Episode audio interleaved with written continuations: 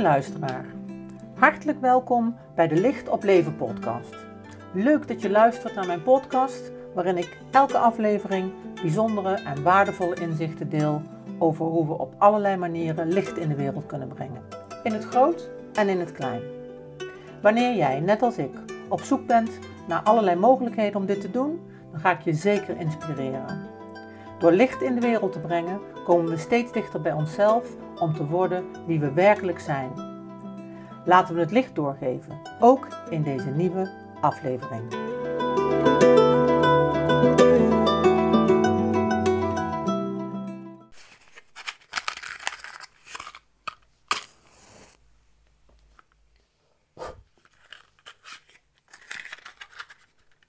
Hallo lieve mensen, het licht brandt weer en zal ons ook deze podcast weer begeleiden.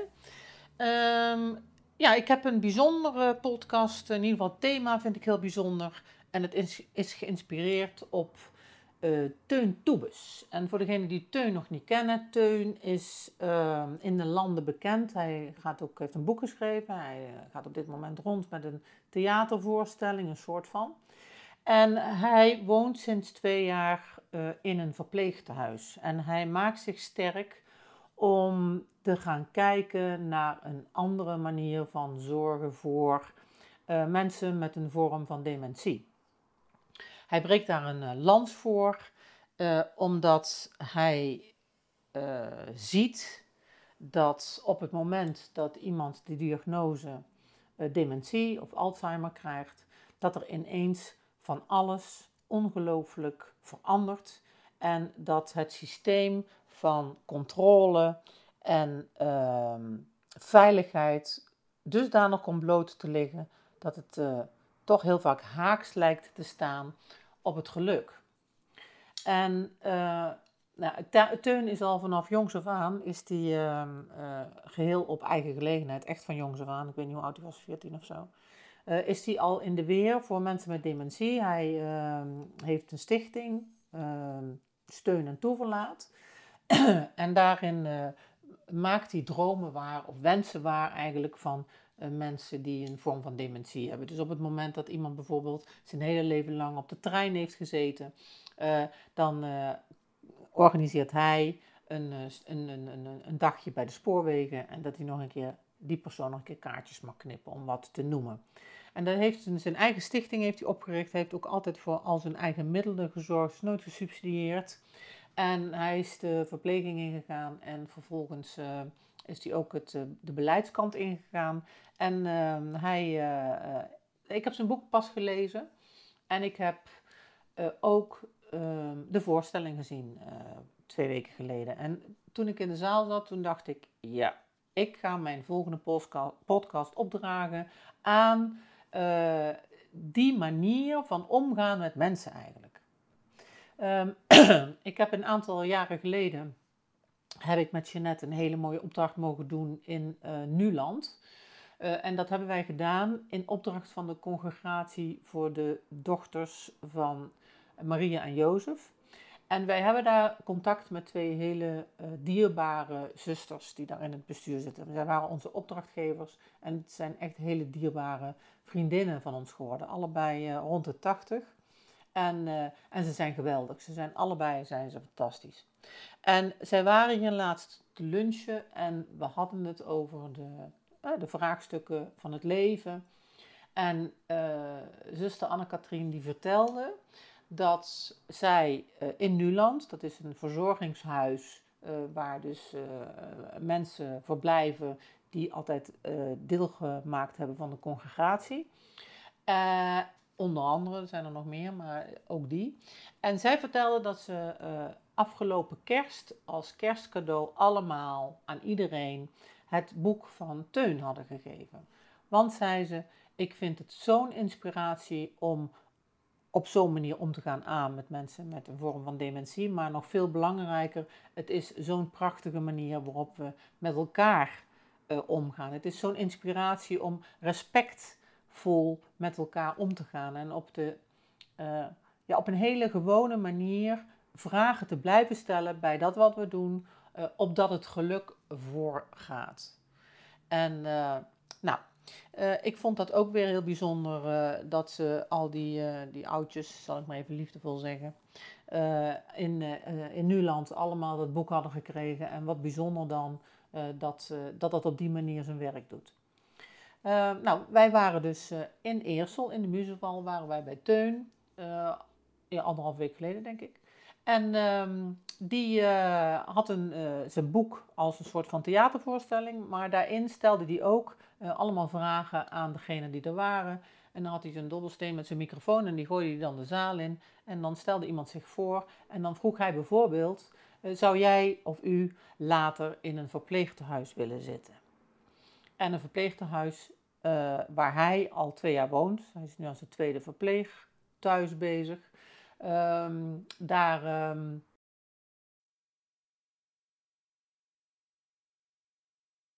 daar moet hij dus inderdaad uh, iedere keer als hij binnen wil de code invoeren. Heen en terug, want hij maakt daar onderdeel uit van een woongroep op een gesloten afdeling. Met dat verschil dat hij naar buiten kan en de anderen zonder begeleiding niet. Dus uh, nou, vanuit, uh, ook vanuit die ervaringen die hij daar opdoet en uh, wat hij daarmee deelt, ehm, nou, heeft hij een, een hele persoonlijke en, en, en, en, krachtige voorstelling met ook wat beelden uit de, de vol, volgens mij het, het verpleegtehuis in Utrecht, waar hij heeft gewoond de tijd. En uh, als je dan ook het boek hebt gelezen, dan zijn, hij heeft het over zijn vrienden waar hij mee samenwoont. En als je dat boek leest, dan worden het ook automatisch jouw vrienden. In ieder geval zijn het ook mijn vrienden geworden. Um, nou, even maar een, een, zijpaadje over mijn eigen ervaringen met dementie. Ik heb uh, als jonge meid van 17 denk ik, nou eerder, 16, uh, heb ik uh, uh, een aantal, x aantal jaren vakantiewerk gedaan in een bejaardentehuis. En ik heb daar ook een aantal keren op de afdeling gestaan voor mensen met extra verzorging. En in de regel waren dat mensen met een vorm van dementie. En ik weet nog dat ik als jongere ongelooflijk onder de indruk was van, van het fenomeen, zal ik maar zeggen. Van vergeetachtigheid, van... ik weet nog dat ik um, uh, op de kamer van mejuffrouw Duinker, stond er op haar deur, mejuffrouw Duinker. Uh, en mejuffrouw Duinker die kwam van hele goede huizen, daar kon je aan alles zien. Als je daar haar uh, hè, bejaardentehuis, kamertje opliep, dan had zij als een van de weinigen een ribfluwelen ehm, rolstoel. en met een hoge leuning die wel van meer gemakken was voorzien dan de gemiddelde. Haar boekenkast, haar eikenhouten boekenkast, stond vol met literatuur en getuigde van een verleden waarin uh, ze kennis had gehad, waarin ze Frans had gelezen. Uh, dus alles eigenlijk in die boekenkast, wat er nog van over was, was meer een vingerwijzing naar een veel grotere boekenkast die ze beslist gehad moet hebben. Maar dit was nog een afspiegeling van de interesses die ze gedurende haar leven weliswaar had. En waar in ieder geval uit bleek dat zij een uitermate intelligente en geïnteresseerde vrouw was. En ik weet nog wel dat ik op de kamer kwam om haar eten te geven. En ik zag daar een mevrouw Duinker die uh, scheef in die prachtige ribfluwelen rolstoel hing. Die nauwelijks kon spreken. Die, um, um, uh, ja, die, die ik eten moest geven, want anders hè, zelf eten, dat ging niet meer. Die uh, nauwelijks begreep wat ik zei. En uh, ik heb zo'n moeite moeten doen om daar niet in huilen uit te barsten. Dat heb ik later gedaan. Maar op dat moment heb ik dat natuurlijk zo goed mogelijk uh, uh, gedaan. Um, en ik weet nog dat vakantiewerk begon ik met het idee van, oh, wat die mensen allemaal nog maar kunnen, weet je wel. En ik, ik, was echt heel erg onder de indruk van, van al die mensen ook op de afdeling. En ik wilde dat meer begrijpen. Ik wilde echt meer begrijpen van hoe dan en, en, en wat snappen ze dan wel en hoe, hoe zit dat dan? En uh, ik ben, uh, die, uh, ik heb een maand daar gewerkt, eh, zeg maar in die zomer. En ik weet nog wel dat ik eh, echt heel betrokken was. Want als ik een dag vrij had, dan wist ik precies op welk uur van de dag ze wat deden, zou ik maar zeggen. Maar ik weet ook dat ik op het einde van die maand wel iets had zo van, oké, maar dit kunnen ze allemaal nog. Dus in mei was daar wel iets gekeerd. Nadat ik zo onder de indruk was van wat allemaal niet meer kon, uh, was ik wel de mogelijkheden ook gaan leren zien van wat die mensen wel kunnen. En dat waren toch, uh, ja, de, indruk natuurlijk die die mensen op mij gemaakt hebben, dat zijn wel de mensen waar het echt wel pittig mee gesteld was. Dat moet ik er wel bij zeggen.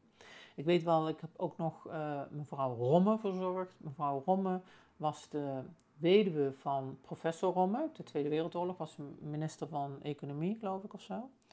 En een econoom in ieder geval.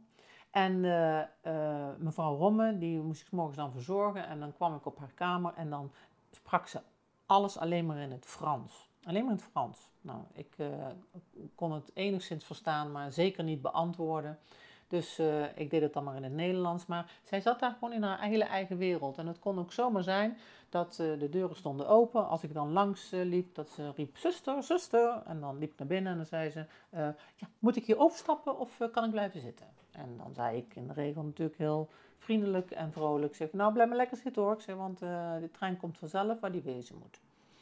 En zo heeft deze mevrouw Romme heeft me ook een keer ontslagen huilend en wel. En ik moest komen zitten en wat ze nou toch had meegemaakt. En nou, blijkbaar uh, was daar nog een situatie uit een verleden waarin uh, iemand uh, iets had uitgehaald wat niet door de beugel kon en waardoor ze die persoon moest ontslaan. En werkelijk, ze, ze zei tegen me van hoe erg ze het vond en, en, en, en, en, en, hoe teleurgesteld ze was in mijn gedrag. En, nou, dus ik ben afgedropen en heb haar gedag gezegd en bedankt.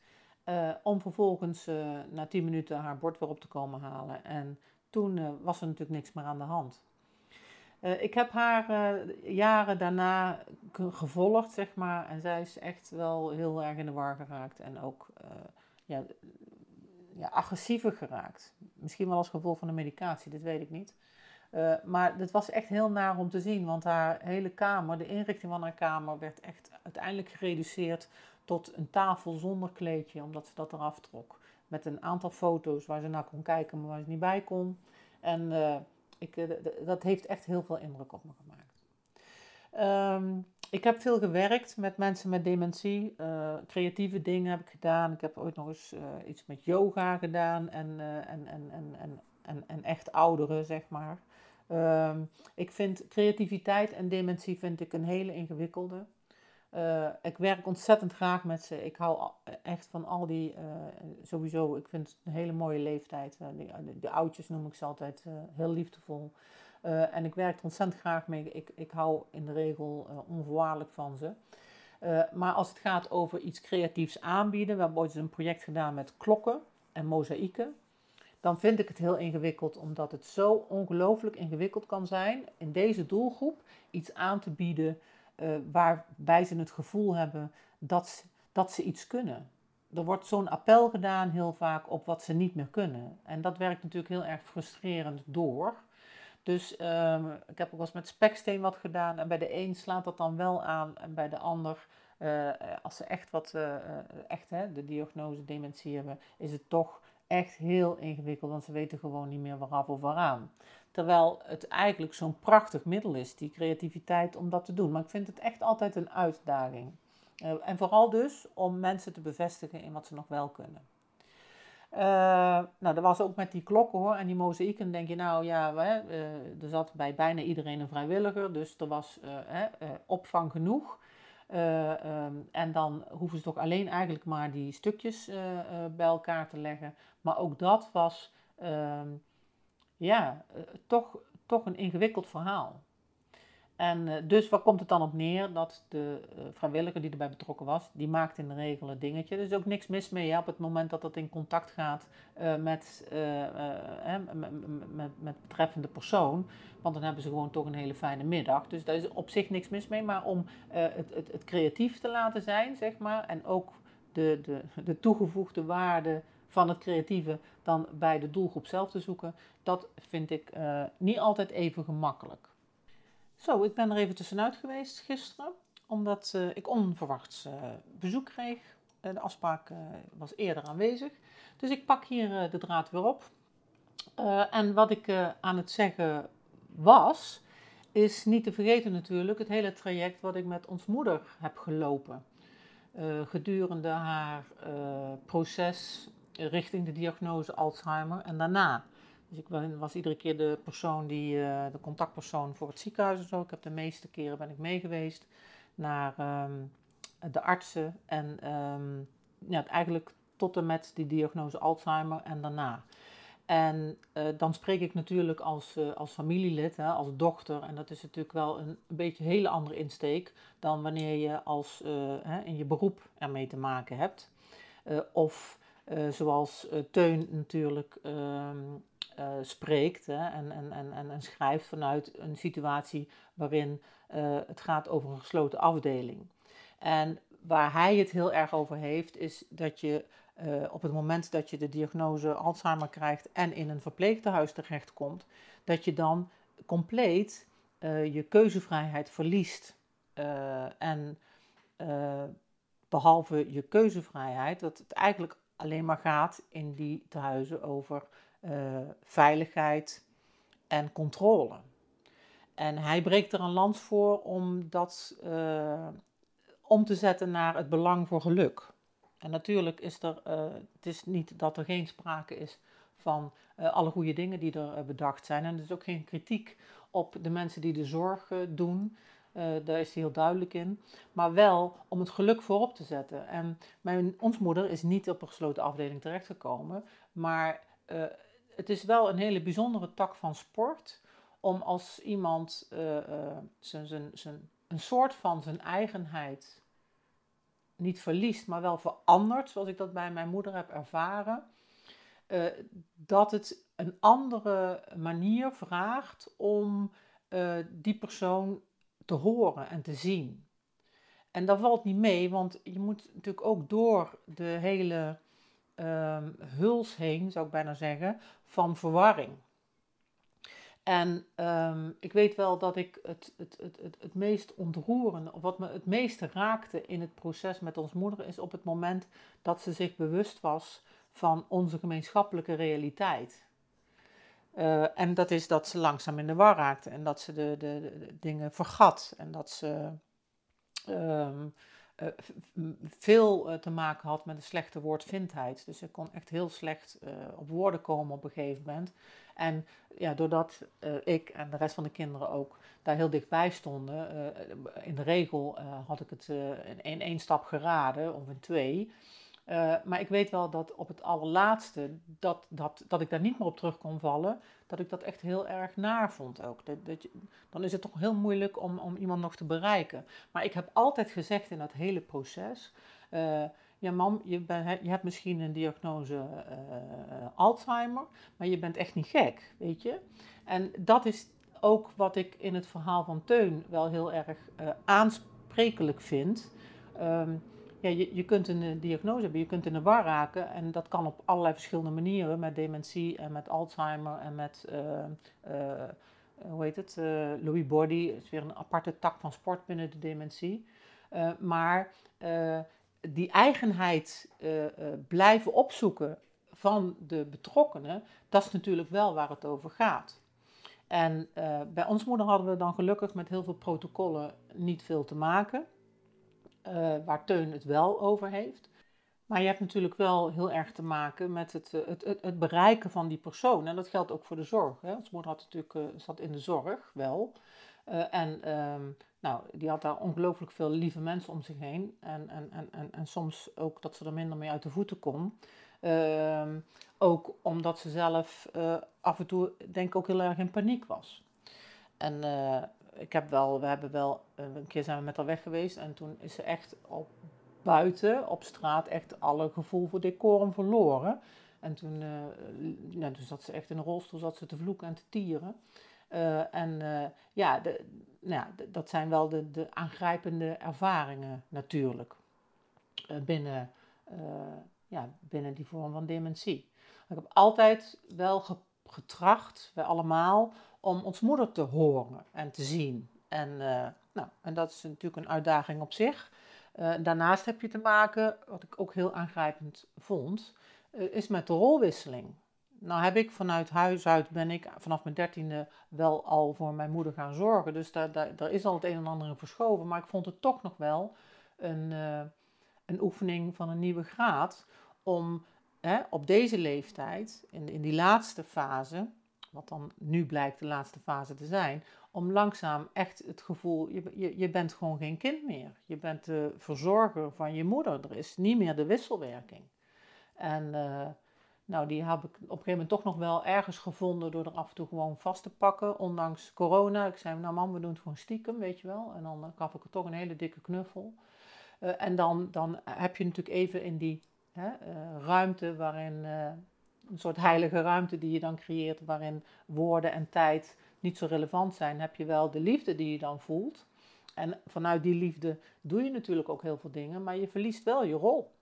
En dat vond ik echt wel heel, eh, heel aangrijpend. Uh, toen mijn moeder net was overleden, toen was er in Eindhoven, werd er door de, bij Marjan op haar werk, die werkt bij het GGZ, hè, uh, daar is er, daar, zij werkte toen ook nog voor de uh, zorgtrajectbegeleiders.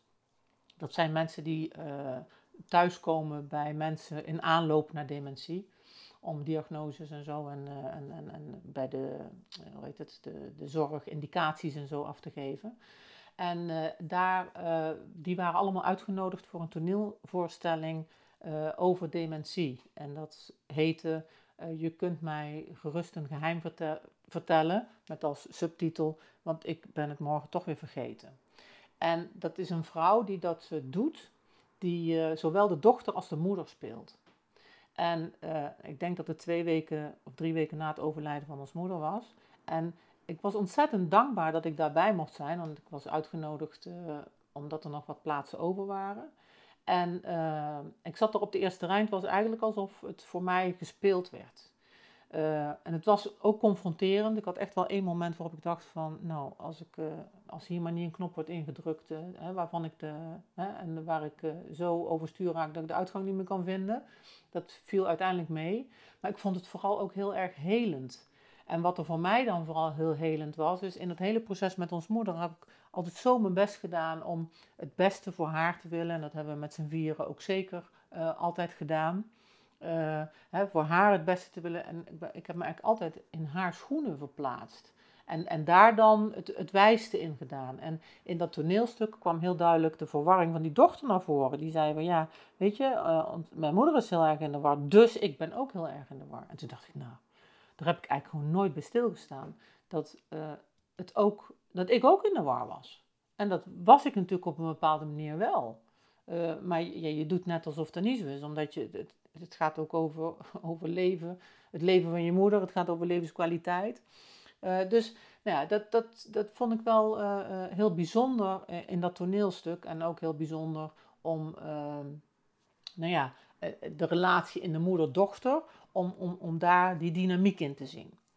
En dat is natuurlijk een ander verhaal nogmaals dan de situatie waar Teun het over heeft, want daar gaat het natuurlijk over het algemeen. Maar wat ik daar dan weer het bijzondere aan vind, is dat eigenlijk door je de vragen te stellen van, hè, is dit wat je wil straks? Nu je nog een keuzevrijheid hebt, is, is dit wat je wil? Wil je in een gesloten afdeling? Of, eh, en wat wil je en, en, en hoe zou je dat dan willen? Uh, en door uh, ja, dingen, de simpelste dingen aan de kaak te stellen. Hij heeft het op een gegeven moment ook over hè, je kamer inrichten. Uh, waar mensen gewoon, ja, je bent gewoon niet vrij. Hij wilde in dat verpleeghuis die eigen gordijnen. Nou, dat was echt bijna een, een, een, een, een hoe heet het, een onmogelijke missie. Want die moesten aan brandveiligheid voldoen en die moesten ook weten, waren niet allemaal voldoen. Dus eh, nou, dat ging niet zomaar. En als het al ging, dan ging het echt over kapitalen om daarvoor voor één raam een, een, gordijn te krijgen. Nou, vloerkleden mogen niet, weet je, planten mogen niet. nou ja, de, ik ben even kwijt of ik dat gisteren al verteld heb van die uh, kunstplanten of niet. Maar in dat ene verpleeghuis was er voor een kapitaal aan kunstplanten aangeschaft. Ik geloof dat ik het verteld heb. Uh, vergeef het me dan maar. Uh, maak het dan toch maar even af. Uh, voor een kapitaal voor kunstplanten aangeschaft was omdat er ooit een hele enkeling een, een, een, plaatje, een blaadje heeft opgegeten. Maar nu eten ze dus het, het plastic met het ijzerdraad erbij. Nou, je kunt je afvragen wat gevaarlijker is natuurlijk. Dus die, die, die overbezorgdheid, maar vooral die controle, dat, is echt, uh, dat, dat vind ik echt een ding. En ik, vind ook echt dat we daarover na moeten denken met elkaar. En vooral ook dat ik er zelf over moet gaan nadenken van wat wil ik nou? En ik vind dat moeilijk. We hebben het er natuurlijk hier samen wel over. Je hoopt zo lang mogelijk voor elkaar te kunnen zorgen. Ook al weet je natuurlijk dat dat ook heel zwaar kan worden. Um, ja, dat hoop je. Maar dan nog, hoe? En hoe, hoe kun je dan. Um... Teun die zegt bijvoorbeeld, ik vind het bijzonder, eh, iedereen is eh, bang dat mensen weglopen. Hè? Daarom is het allemaal gesloten, omdat ze weglopen. Maar als je zorgt dat iets een thuis wordt, dan heeft niemand meer de behoefte om weg te lopen.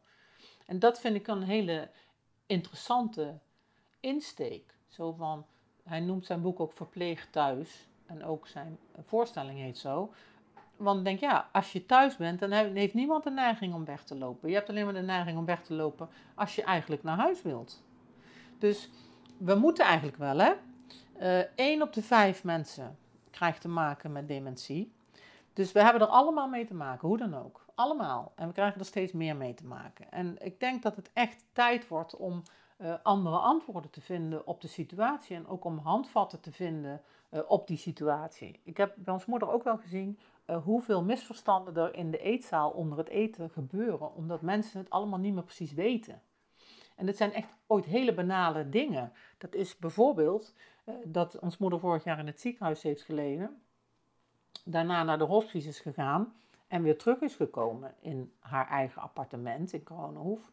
En vervolgens uh, een, een, een, vriendin had die, die echt in de war was, wat ons moeder zich eigenlijk niet eens realiseerde. maar die was echt in de war. En die zei tegen iedereen, had ze gezegd dat ons moeder er niet meer was. Dus ja, onze moeder die komt daar terug in die, in, in, in die zaal. En de meeste mensen die, die snappen dat. Een enkeling snapt dat ook niet. Maar hè, die, die, die snapt dat dan. En dan... Ehm, snapt ons moeder natuurlijk weer niet hoe het in hemelsnaam mogelijk is dat iemand vertelt dat zij er niet meer zo zijn. Dus dan krijg je echt misverstand op misverstand.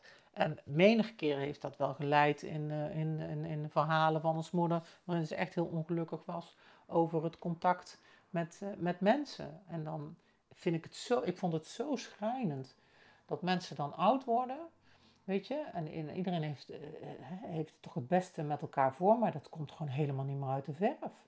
Dus echt, uh, het gaat misverstand over misverstand. En ze snappen van elkaar niet dat ze in de war raken, weet je wel. Want, nou ja, dus, ja, ik vond dat, dit vond ik altijd wel heel schrijnend. Uh, en weet je, aan de ene kant heb je natuurlijk de neiging, of had ik de neiging om dat uh, te relativeren, maar het heeft natuurlijk helemaal geen zin. Dus dat is dan inbegrepen bij het lot zoals het dan nu gaat. En denk, nou, daar zouden we toch over na moeten denken. Daar zouden we echt over na moeten denken. Uh, en sowieso, hoe, hoe benader je mensen die in de war raken? Hoe, hoe, hoe gaan we daar met z'n allen mee om? Hoe, ja, kan toch niet de bedoeling zijn dat we mensen uh, alleen maar opsluiten? Hè? Of dat uh, mensen overroeld worden door het protocol. Zoals die ene man die door de week geen bier meer mag drinken als protocol. Want een van de naasten had, die vond dat dat niet nodig was of zo. Ik weet niet meer precies, er was iets. En ja, nou, Teun die was er heel verontwaardigd over uh, in zijn uh, verhaal. En dat snap ik ook heel goed. En dan denk ik, hoe, dan? Hoezo? Wij hebben allemaal, wij mogen iedere dag bij wijze van spreken ons een stuk in de kraag zuipen. Dat doen we natuurlijk niet. Maar, en en, en je, je zit op zo'n afdeling en je mag gewoon niet meer een biertje door de week. Nou, het is toch wel heel, uh, ja, heel. Het is niet de bedoeling, weet je, zo, zo voelt het. En um, ondanks alle liefde die ik overal voel, waar het gaat over uh, kwetsbare mensen. Bettina Wegner, dat is een protestzangeres uit Duitsland, die heeft ooit gezegd: en ze is niet de enige. Hè, je kunt een maatschappij aflezen uit hoe ze omgaan met hun kinderen en oude vandaag. Uh, nou ja, als dat dan gaat over uh, controle en veiligheid boven menselijk geluk, ja, dan, uh, dan, dan, denk ik dat het heel erg belangrijk is dat we daar met elkaar over nadenken en dat het ook echt een, een, een ding is van ons allemaal zelf. Hè? Dat, ik nodig je hierbij allemaal uit om voor jezelf na te gaan en actief te houden of te hebben van hoe wil ik dit? Hoe, hoe wil ik omgaan met, uh, met mijn eigen oude dag? En wat betekent dat? En uh, hoe wil ik omgaan met uh, de mensen in mijn omgeving ehm, die ik daarin ontmoet? Maar ook van wat draagt bij aan geluk? Vooral dat. En daarin vind ik Teun echt universeel inspirerend. Zo, hij, stelt, hij is heel consequent, stelt hij eigenlijk aan de orde van wat draagt bij aan geluk? En dan in het bijzonder bij zo'n ongelooflijke kwetsbare groep als, uh, als, als, als mensen met een, uh, met een vorm van dementie. Ik weet wel, de, het alle, ik ben ooit echt in mezelf zo boos geworden, maar je kunt er dan echt helemaal niks mee. Maar als het gaat over uh, dat ik, ik kwam, op een gegeven moment kwam bij ons moeder op de flat. En toen zat ze te bellen. En ze was een beetje over de, overstuur. En ze had hem op de speaker staan. Uh, en het was een meneer van de Rabobank. En het was gelukkig een hele geduldige meneer van de Rabobank.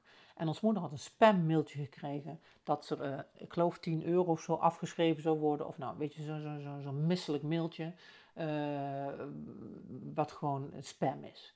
En uh, dus ze had de, de, de bank gebeld. Nou, ze had daar uren had ze aan de telefoon gezeten, omdat ze bang was dat ze het niet goed deed. En uh, weet je, en dan vind ik zo erg dat er echt zo misbruik gemaakt wordt van, van, van, van, van, van deze doelgroep. Nou, en, en, en ook dat een mevrouw uh, een keer bij ons moeder van de verzekering of zo kwam. En die zat op een gegeven moment achter haar laptop. Nou, dat we echt zoiets hadden van ja, en nu dan, weet je?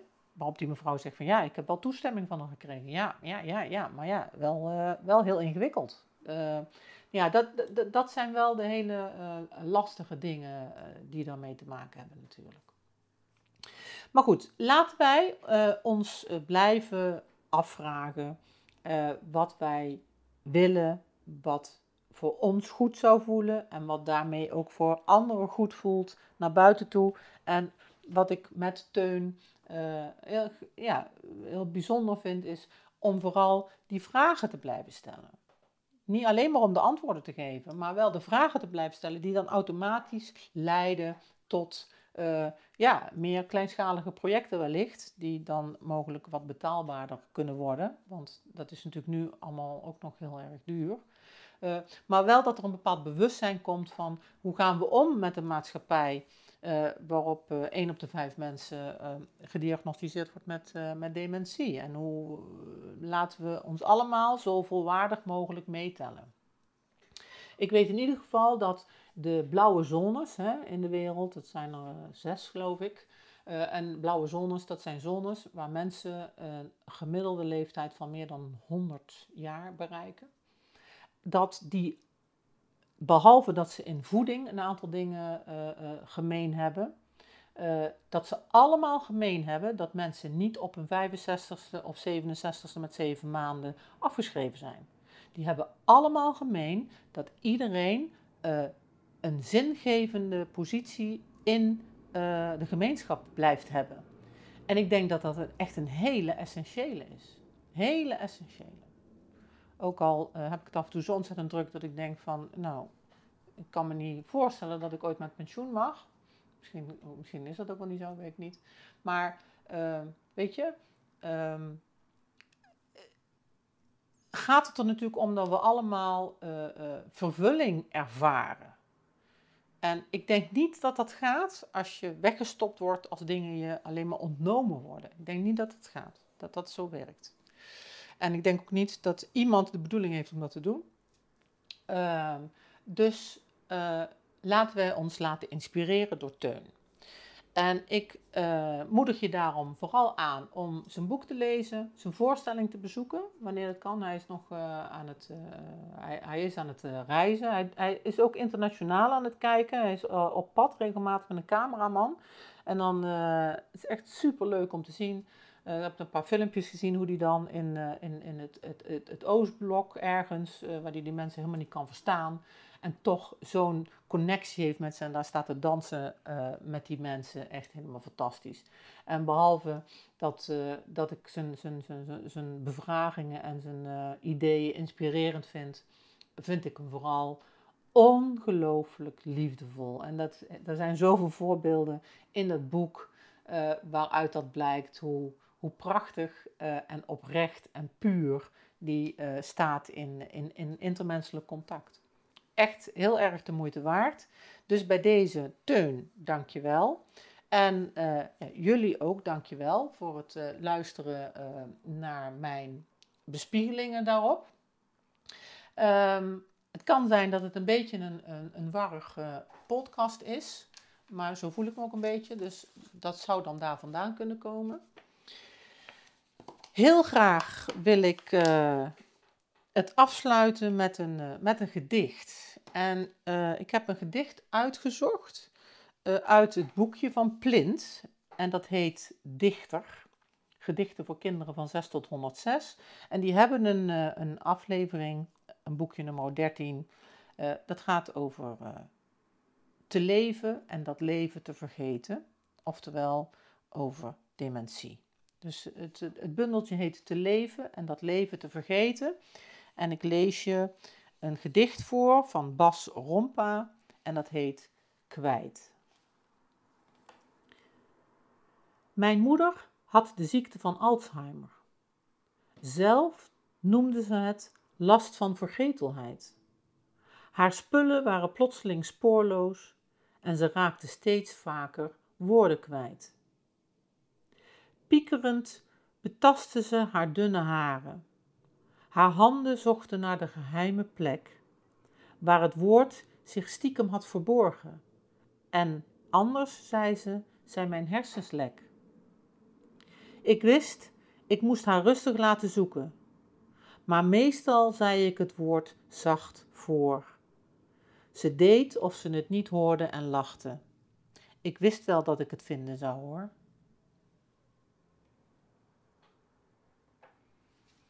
Prachtig stukje. Ik sluit af met mijn glimlach daarover, zoals zoveel glimlachen die ik had voor zoveel situaties met mijn moeder, die ook zoveel compenseerde om toch maar uh, te blijven weten, omdat dat levens, die levensvonk zo ontzettend groot was. Uh, en daarvoor heb ik ontzettend veel respect. Nou, lieve allemaal, hartelijk dank voor het lezen. Ik wens je heel veel inspiratie. Uh, denk na en uh, zoek Teun op. Teun Toebes, de moeite waard. ik hoop nog heel veel eh, van uh, inspiratiebronnen van zijn kaliber te mogen ontmoeten in mijn leven. Heel erg veel dank en heel graag tot de volgende.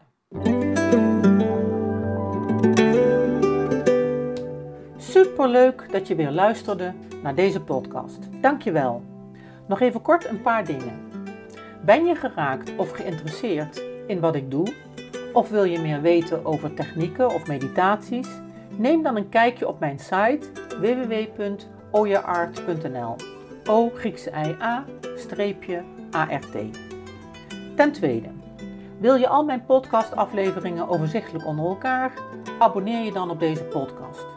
Klik in je podcast-app op de button subscribe of abonneren en elke keer wanneer er een nieuwe aflevering komt, dan ontvang je automatisch een berichtje. Ten derde, ondersteun je mijn werk? Geef dan een review via de podcast-app bijvoorbeeld iTunes of Spotify. Dan kunnen mijn afleveringen nog meer betekenen. Naar iemand doorsturen via het kopiëren van een linkje, via Spotify bijvoorbeeld, mag natuurlijk ook altijd. Ik vind het altijd heel erg leuk om berichtjes te ontvangen, om te horen of je iets hebt gehad aan een inzicht. En natuurlijk ook om te horen hoe jij creatief bent met licht. Wie weet hoor je het terug in de volgende aflevering. Laat het me weten via de mail op de site www.oyeart.nl. Je kunt me ook heel gemakkelijk googlen onder Carla van Olst en dan Carla met een C. Voor nu, heel erg bedankt voor het luisteren. Alle goeds, geef het licht door en tot de volgende.